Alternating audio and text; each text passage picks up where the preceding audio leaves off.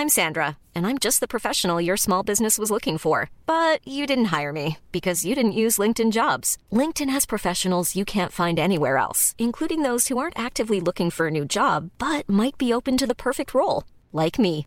In a given month, over 70% of LinkedIn users don't visit other leading job sites. So if you're not looking on LinkedIn, you'll miss out on great candidates like Sandra. Start hiring professionals like a professional. Post your free job on linkedin.com/people today.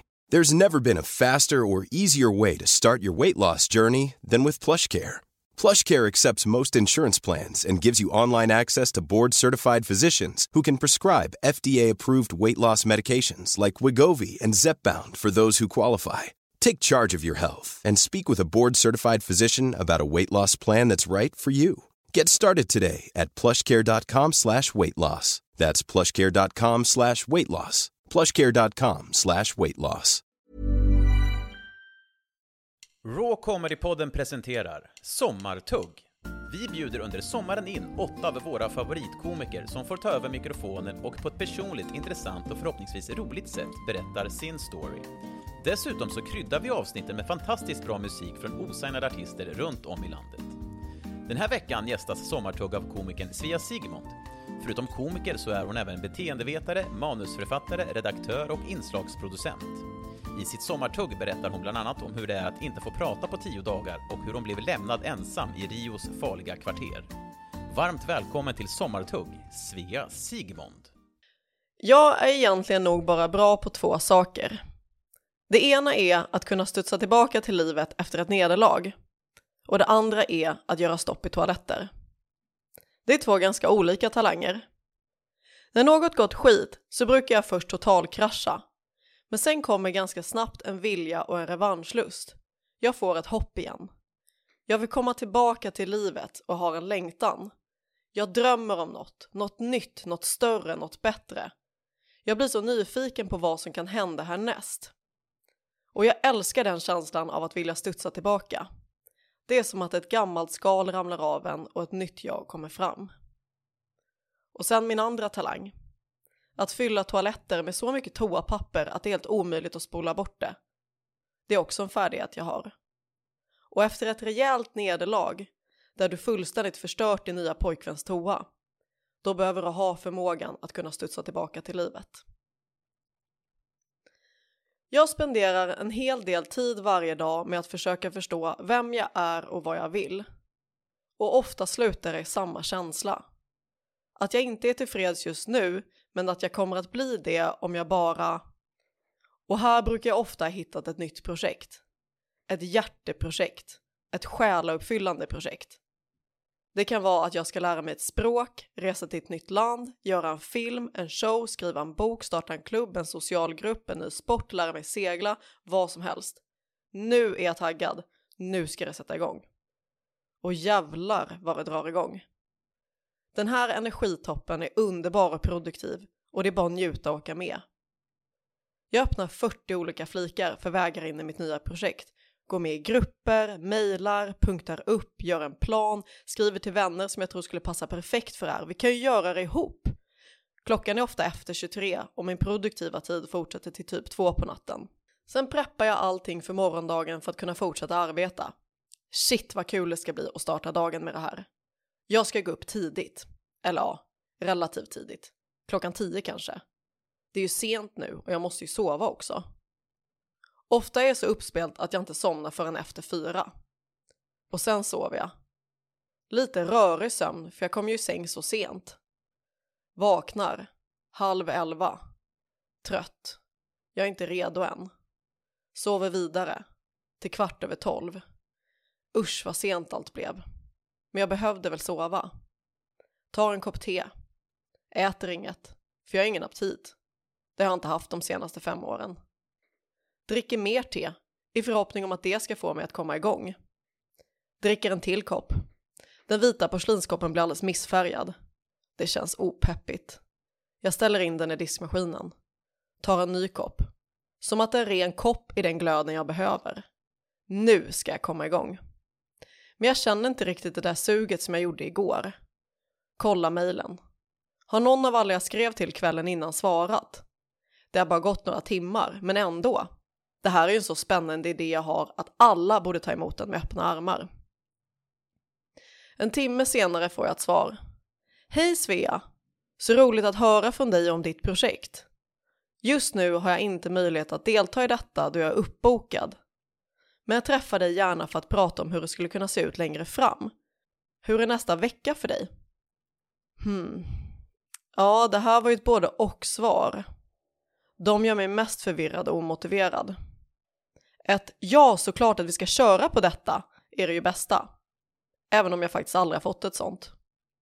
Och ett så rolig idé, jag har tyvärr inte möjlighet, men jag gillar att du frågade, är ett negativt svar och det är trist, men sådana får mig ändå att känna att jag måste köra på ännu hårdare på nya ställen. Ett mittemellansvar är svårt. För jag vill ju göra det här nu, inte sen. Ska jag behöva hålla min idé för någon som kanske vill vara med längre fram? Nu känner jag mig låst. Jag är utbildad beteendevetare och frilansar som standup-komiker och jobbar även med tv-produktion. Tidigare har jag haft vanliga jobb, alltså kontorsjobb inom HR. Men sedan jag började jobba kreativt är det svårt att se mig själv vara låst i en tillsvidareanställning. Ett fängelse med lön. Inget för mig. Men samtidigt kan jag avundas det där livet när jag själv har dragit på mig 38 nya projekt som kändes fantastiska att tacka ja till. Nu börjar det närma sig sjösättning och där ligger de och pockar på mitt dåliga samvete över att inte jobba tillräckligt mycket. Tänk om jag hade ett sånt jobb där det inte kändes som att jag ville fly till Uganda på heltid varje gång jag skulle bli klar med något. Den kreativa processen är väldigt speciell. Om den kreativa processen hade en diagnos så skulle den vara bipolär. Den är helt sjukt intensiv, fantastisk, rolig, sprudlande och utvecklande. Och även så extremt frustrerande, nedbrytande, prövande och svår. När jag börjar jobba på något nytt så pendlar det så hårt mellan ja men nu har jag något, det här kan bli riktigt bra, det här känns roligt till fy fan vad sämst det här är. Fy fan vad sämst jag är. Jag kommer aldrig att komma på en rolig idé. Till, men vänta lite här nu, knäckte jag just någon slags kod här? Det var bara det som behövdes, att jag bara kämpade lite mer, för det här är ju bra och till, men alltså hur kan jag tro att jag hade något bra här? Det här är skit. Och så här svänger det upp och ner tills det till slut kommer ut något. Tröttsamt. Jag är en person som arbetar mycket mer efter spontana energitoppar snarare än metodiskt och systematiskt. Jag är en person som kan få så sjukt mycket gjort om jag har kniven mot strupen och ibland i strupen. Men det finns ett driv som gör att jag får en sån lust av att vilja göra nya saker hela tiden. En längtan studsar tillbaka av att livet har mer att erbjuda och jag vill gå på en sagolik tur och upptäcka alltihop. Det där underbara drivet som just nu lyser med sin frånvaro.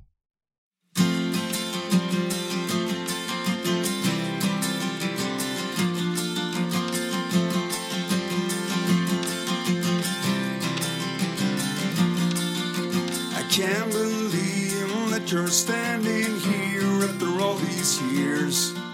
You broke inside and relieved me from all my fears. But as it went, something started working from within. Hand in hand into a battle we can never win. A sudden dream, a sudden shiver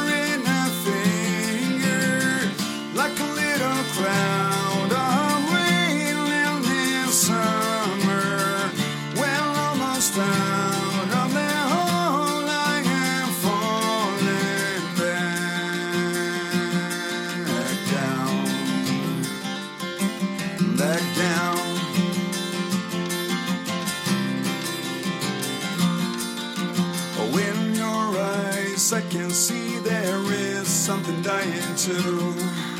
We waited for something better for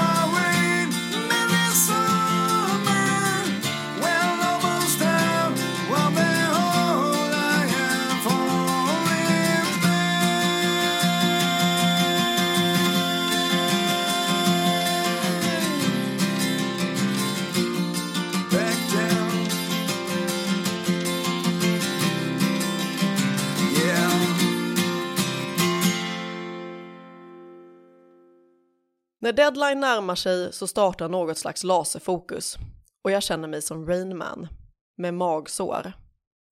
Jag hatar känslan av att vara så stressad, men jag älskar att vara så intensivt produktiv. Eller jag mår ju sämst när jag är där. Ändå sätter jag mig i den stressen hela tiden. Varje gång så tänker jag, varför gör jag så här? Det här är så fruktansvärt. Här är jag ofta i tårar. Får någon slags mental breakdown. Jag behöver torka bort tårarna för att jag kan inte se något på skärmen annars. Jag kastas fram och tillbaka i känslorna samtidigt som jag tvingar mig att ro det i hamn. Med hjärtat i halsgropen. Jag känner nästan aldrig jag klarade det med någon stolt känsla. Jag känner istället oftast jag överlevde. Jag har till viss del lärt mig att jobba metodiskt. Det måste man kunna och jag har tvingats in i det. Men fy fan vad svårt det är. När jag har en uppgift så försöker jag göra annat, vad som helst, hela tiden. Det finns inga begränsningar på vad jag kan hitta på när jag egentligen borde göra något annat. Det goda som jag vill, det gör jag inte. Men det onda som jag inte vill, det gör jag. Citat från Bibeln. Jag är knappast unik. Även Jesus prokrastinerade tydligen. Och här är vi, 2000 år senare och historien har inte lärt mig något. Man kanske undrar varför jag om och om igen sätter mig i de här situationerna hela tiden om det är så himla jobbigt. Ibland vet jag faktiskt inte. Att jobba kreativt är ett självskadebeteende och det blev visst mitt drug of choice. Men det är också så att efter att ha klarat en stor ansträngning, en sån som innan jag var klar fick mig att vilja byta identitet och flytta till hemlig ort, så känner jag en enormt förlösande känsla. Det är som att man har varit strypt i en månad och någon sen släpper taget. Jag får luft, jag kan andas, jag har aptit igen. Livet är tillbaka. Så självklart allting känns. Det här är självklart, alla mina livsval. Det är här jag hör hemma och jag har äntligen hittat rätt. Det här är inte för alla, men det är för mig. Och så där känner jag. Tills nästa utmaning närmar sig.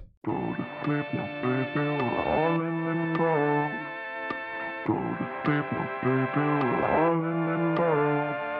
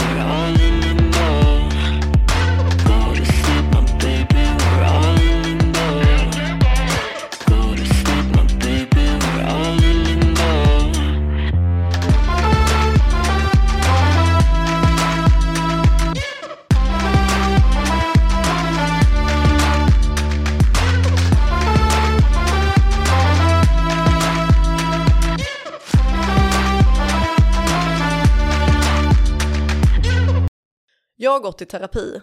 Jag har gått i enormt mycket terapi. Folk undrar om det är för att jag har haft så mycket problem. Nej, det är för att jag har haft så mycket dåliga psykologer. För de flesta är verkligen skit. Det är konstigt egentligen. Varför får de ändå jobba? En terapeut jag träffade frågade ett par sessioner in. Svea, har du någon gång tänkt på att kanske din uppväxt kan påverka hur du mår idag? Snälla någon, betalade jag 1500 kronor för den där banala skiten? Sånt som jag kunde dragit ur röven när jag var tio. Det där är en timme jag aldrig får tillbaka av mitt liv. Jag har praktiserat ganska mycket egen KBT. Alltså jag utsätter mig för saker hela tiden som jag får jättemycket ångest av. Först kan det kännas som att det bara blir värre och värre. Men det kulminerar till slut och så lugnar det sig istället. Om man orkar hålla ut. Man måste rida igenom den där stormen och andas tills den jobbiga känslan försvinner. Och det gör den oftast. Och så övar man det där och till sist så triggar händelsen inte längre någon ångest. Man tänker inte ens på det. Och min personlighet går ganska bra ihop med det. För jag har en tendens att kasta mig in i saker jag inte har koll på. Sånt som känns väldigt prövande och obehagligt. När jag är i det undrar jag varför jag gör så här. Men om det är någonting jag tagit med mig från allt jag testat så är det ju att utvecklingen sker där man inte är bekväm. Och jag älskar utveckling. Hur kan allt bli lite bättre exakt hela tiden? Jag måste testa något nytt jämt för att komma på vad meningen med allt är. Jag tänker så sjukt mycket på det. Och helt ärligt fattar jag inte hur inte alla tänker på det. Och om ni gör det, varför säger ni inget om det då? Varför har vi så jävla meningslösa samtal om hur stor den där personens fjantiga balkong är? Eller att du ska gå en internutbildning på ditt jobb? Eller att en halvdan restaurang har en ny meny? Eller att någon har målat om hemma i en färg som exakt alla andra också har? Snälla sluta prata, jag bryr mig inte. Varför pratar vi inte om viktiga saker? Om riktiga saker? Jag vill veta om du har ångest och hur du blir av med den. På riktigt alltså. Om dina föräldrar har betalat din lägenhet men du säger att du har köpt den själv. Eller hur äckligt man kan låta det bli i sitt kök innan man bestämmer sig för att man måste städa. Om du brukar ljuga och i så fall när. Vad du skäms över i livet. Hur mycket du och din partner bråkar. Vad man drömmer om. Vad du tycker är ett lyckat liv. Vad man är rädd för egentligen och så vidare. Nej, för samtal om att man ska äta veganskt verkar det viktigt. Blä. Jag skiter i din balkong eller din nya pastasort. Jag vill veta vem du är. På något sätt så känns det som att om jag fattar alla runt mig så kanske jag fattar mig själv. Och det vore så himla skönt. För jag känner att jag är en gåta som jag inte ens orkar lösa. Jag vill bara att den ska vara löst nu. Jag säger ofta att jag gillar att göra alla de där sakerna som gör att jag fattar vem jag är. Men egentligen är jag nog bara självupptagen. Jag känner ett enormt motstånd och obehag i att kasta mig ut i nya saker. Jag känner även en enorm dragning till att jag måste kasta mig ut i nya saker. Oftast vinner den andra av de två. Men det är fan inte enkelt. Jag tycker faktiskt att det är skitsvårt att vara människa. Varför berättar ingen hur man gör?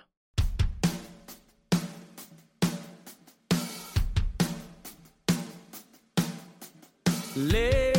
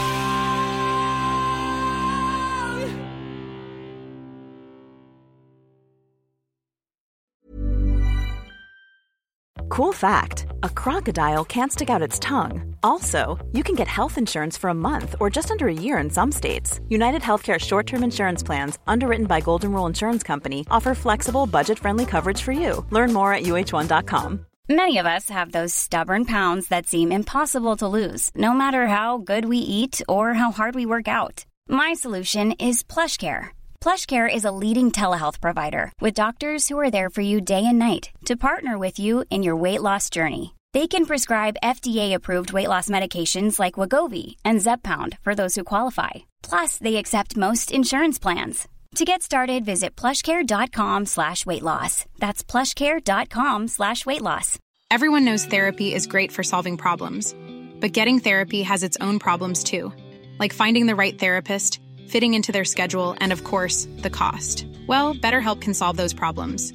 It's totally online and built around your schedule. It's surprisingly affordable too. Connect with a credentialed therapist by phone, video, or online chat, all from the comfort of your home. Visit betterhelp.com to learn more and save 10% on your first month. That's BetterHelp H E L P. Jag har ett system för att kunna få saker gjort när jag vet att jag måste. Jag blandar in andra människor. För jag må svika mig själv om och om igen som om jag njöt av det. Men det tar verkligen emot att svika andra. Eller framförallt kanske det handlar om att skämmas inför andra. Det är ändå något som jag känner otrolig avsmak inför. Man kan tro att saker alltid löser sig till sist för mig. Och det beror ju på lite hur man ser det. Det går ibland bra och ibland väldigt dåligt. Jag har gjort många saker som har gått väldigt annorlunda än jag tänkt. Typ när jag skulle flytta till Chile för att plugga på ett katolskt universitet och hade missat att jag behövde kunna spanska. Måste jag kunna spanska? frågade jag studievägledaren när hon frågade hur länge jag läst språket. Samtidigt så ville jag inte bli av med min utbytesplats för det verkade så coolt att åka till Chile. Så jag la snabbt till ett på högsta nivån efter mitt måste jag kunna spanska. Nej, det var lugnt med B2-nivå sa hon. Ja, men herregud, det är liksom typ flytande. Jag sa att jag läste spanska just nu och jag skulle bli helt redo tills jag åkte. Och så läste jag fort som satan en intensivkurs. Det var så jävla svårt. Och det chilenska universitetet noterade att denna inte nådde upp till önskad nivå för att klara studierna. Men det gjorde inget. Nej, för de är ett välfungerande kapitalistland. Så om jag bara gick deras pissdyra kurs i tre veckor innan terminen började så skulle jag komma upp till tillräcklig kunskap. Givetvis tog jag kursen. Tre veckor senare fattade jag fortfarande nada. Jag bodde i Chile i sju månader. Santiago räknas som en av de säkraste städerna i Sydamerika.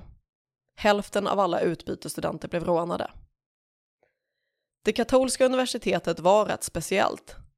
Det luktade alltid jättemycket marijuana på campusområdet och var fullt med gatuhundar som skolan tog hand om. Hundarna hade varselvästar på sig. Grön väst betydde att man fick klappa. Röd väst betydde att hunden var traumatiserad. Ibland följde hundarna efter en in i klassrummet och det var ingen som reagerade på det. Klassrummen hade ingenting förutom bord, stolar och den enda utsmyckningen som fanns var ett krucifix. Och bordkanten var liksom för stor, som att den täckte över ena långsidan. Den rann ner typ, som att man satt vid ena långsidan och så var den andra som ett skydd för benen. Det gjorde att borden var asvåra att flytta för de blev så himla tunga åt ena hållet. Jag frågade varför de hade gjort så himla konstiga bord. Det är kjolskydd, sa universitetslektorn, så att läraren inte ska kunna kolla in under tjejernas kjolar. Just ja, fräscht. Jag läste fyra kurser. Det är det svåraste jag gjort i hela mitt liv. Ibland tänker jag tillbaka på den perioden och undrar hur fan det gick till. Det är ju helt vansinne. Men det var genom att blanda in andra. Jag startade otroligt många studiegrupper. Så via det försökte jag lokalisera vad jag behövde kunna och sen övade jag svinmycket på det. Och sen tog jag även sjukt många privatlektioner, övade Duolingo dagligen och lyssnade på spanskinlärning. Man kan tänka att det mest effektiva skulle vara att prata med chilenare. Men då kan jag säga att om du kan någon som helst spanska och har testat att snacka med en chilenare någon gång så vet du att den dialekten går inte ens att förstå om du vore Pablo Escobar med en pistol mot tinningen. Nej, det där utbytet var en av mina mindre genomtänkta utspel. Efter studierna i Chile så reste jag runt i Sydamerika. Det hade varit så otroligt intensivt på universitetet och jag kände att jag behövde en rejäl paus. Framförallt en paus från allt spanskt prat jag inte fattat. Så jag packade min väska och åkte till ett meditationscenter på den argentinska landsbygden. Där gick jag in i total tystnad i tio dagar. Man väcktes klockan fyra på morgonen av en gonggong.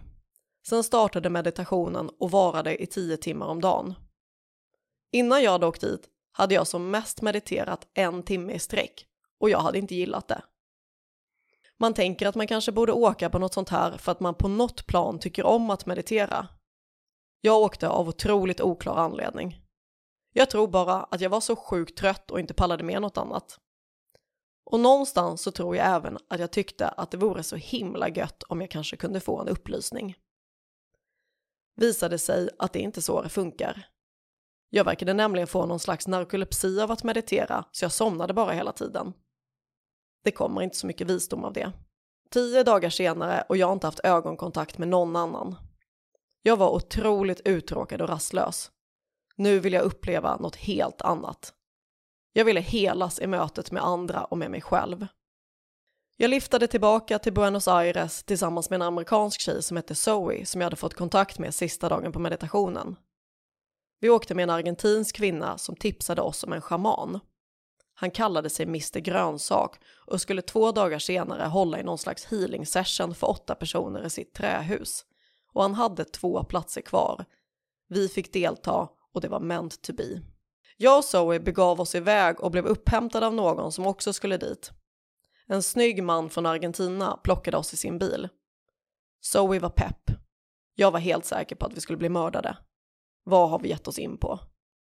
Jag satt i baksätet och kollade ut på vägskyltarna för att febrilt kunna försöka memorera vad som stod där för att sen kunna berätta för någon om var jag var. Det var lönlöst. Allt var på spanska och jag hade glömt bort namnen så fort vi åkte förbi. Jag hade ändå ingen fungerande telefon. Zoe verkade inte ha ett bekymmer i världen. Hon hade sagt till mig att jag inte behöver oroa mig för hon kände på sig att hon inte skulle dö nu. Mm. Jag hoppas verkligen hennes intuition stämde. När vi kom fram till huset släppte all oro. Det var verkligen sagolikt.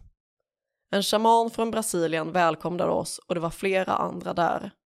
Jag har aldrig upplevt ett rum med så hög närvaro. Stora förhoppningar ingjutades hos mig och jag tänkte att det här skulle bli livsomvälvande. Att här fanns svaren som jag så länge sökt. Det fanns de inte. Men det var ändå en ganska så festlig upplevelse.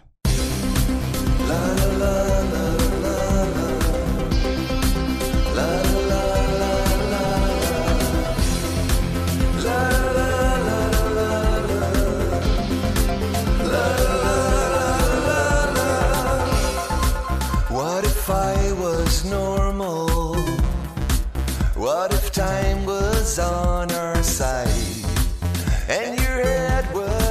empty, and you knew you always lied. La la la la la la, la la la la la, la la la la la, la la la la. You think love is structure, black suit.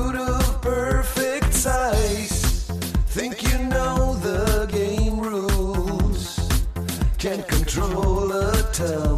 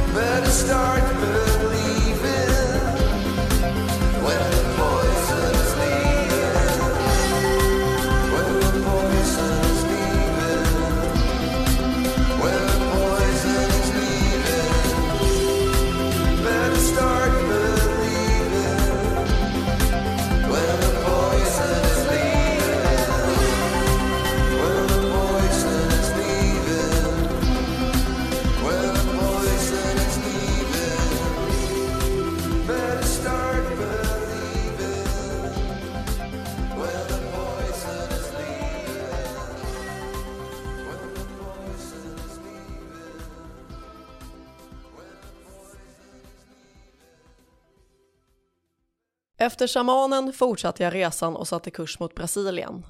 Nyårsafton på Copacabana. En miljon människor. Jag såg fyra personer bli rånade på stranden. Yikes. Kommande veckor reste jag runt själv och hade det rätt gött. Jag kände att jag hade kommit in i den sydamerikanska viben. Till slut gav jag mig tillbaka till Rio de Janeiro. Tog en buss till staden och kom fram sent. Behövde ta en taxi till mitt boende. Efter att ha bott i Sydamerika i över ett halvår så visste jag hur det funkade. Taxichaufförerna hade en knapp som de kunde trycka på för att taxametern skulle gå tio gånger så snabbt och den använde de när det var turister. Jag såg att han gjorde detta och jag blev så förbannad. Jag försökte säga till att priset var fel. Han började prata på snabb och slarvig portugisiska och jag märkte hur han försökte göra mig förvirrad. Jag som knappt kunde spanska kaxade ändå tillbaka. För det kändes som rätt tillfälle att stå upp för mig själv. Så där höll det på när vi for genom Rio och eftersom jag inte kunde några områden så hade jag ingen aning om man körde fel. Jag klargjorde att jag inte skulle betala mer än det korrekta priset var. Han kollade bak, sa inget och stannade sedan plötsligt bilen. Skrek att jag skulle ut. Han hade dumpat mig i favelan i ösregn mitt i natten. Helvete. Jag sprang i mina flipflops och stora ryggsäck. Hade ingen aning om var jag var. Jag stod under en bro som verkar vara någon slags motorväg. Försökte fråga folk om vägen. Försökte vinka in en ny taxi. Ingen ville stanna, ingen ville svara. Det är inte ett jättegott tecken. När ingen bil stannar så är det ofta för att rånrisken är för hög. Det är vanligt på vissa platser att någon bara kan komma och rycka upp bildörren när man står stilla med ett vapen mot chauffören. I sådana områden kör även bilarna ofta mot rött för att risken att krocka anses mindre farlig. När jag sprang där i regnet så tänkte jag, nu kommer jag snart att rånmördas för att jag tjafsade om 20 dollar. Jag vet inte varför jag sprang, jag ville bara bort därifrån. Till slut så hittade jag någon slags station och hoppade in i den första bilen. Sket fullständigt i priset. Kom fram till hostelet och hade hjärtklappning. Ibland är jag verkligen helt dum i huvudet. Så många dagar vi har kvar varje andetag som spar Känns som tiden har stått still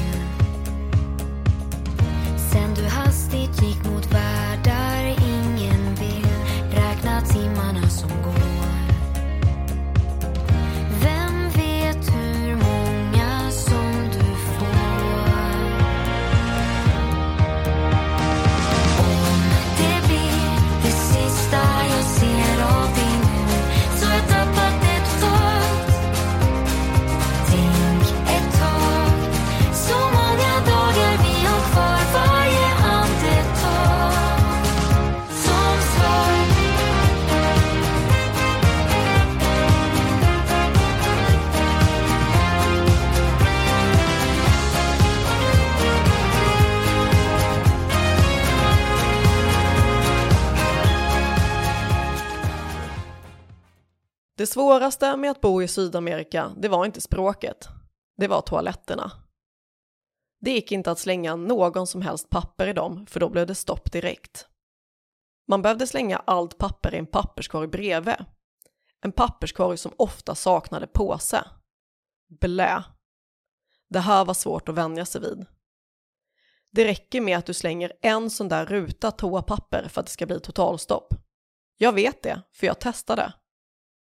Vid slutet av tiden av min vistelse så åkte jag på en resa och delade rum och toalett med fyra andra.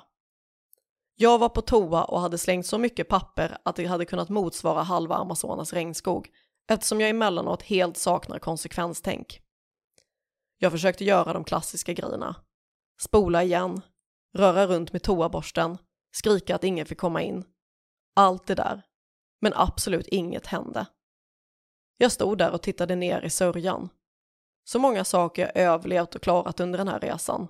Så många hinder det varit på vägen. Och här stod jag nu. Jag var totalt besegrad. Toan var och förblev förstoppad. Det är tur att jag tränat så mycket KBT. För jag kunde inte bry mig mindre. Du har lyssnat på Sommartugg med Svea Sigmund. Vill du se och höra mer av Svea så hittar du henne på Instagram, Svea Sigmund i ett ord. Håll även utkik efter henne på standupklubbarna runt om i landet. Till exempel så kan du se henne på Rock Comedy Club i Stockholm den 7 oktober och den 6 december. Musiken i avsnittet hörde du från Not the New Messiah med låten Falling Back Down, Ester Livia med låten Limbo, Grace Old Pennies med låten Forever Long, Songcaster Randy Callahan med låten Poison is Leaving, Mackin Matthew med låten Varje andetag. Passa även på att lyssna på tidigare avsnitt av Sommartugg om du missat dem. Missa heller inte det senaste från Raw Comedy Club genom att följa oss på sociala medier samt på rawcomedyclub.se. Vi hörs nästa vecka med ännu ett Sommartugg. Imagine the softest sheets you've ever felt. Now imagine them getting even softer over time. That's what you'll feel with Bowl and Branch's organic cotton sheets. In a recent customer survey, 96% replied that Bowl and Branch sheets get softer with every wash. Start getting your best night's sleep in these sheets that get softer and softer for years to come. Try their sheets with a 30-night guarantee. Plus, get 15% off your first order at bowlandbranch.com. Code BUTTERY. Exclusions apply. See site for details. Planning for your next trip? Elevate your travel style with Quince. Quince has all the jet setting essentials you'll want for your next getaway, like European linen, premium luggage options, buttery soft Italian leather bags, and so much more. And is all priced at 50 to 80% less than similar brands. Plus, Quince only works with factories that use safe and ethical manufacturing practices. Pack your bags with high-quality essentials you'll be wearing for vacations to come with Quince. Go to quince.com slash pack for free shipping and 365-day returns.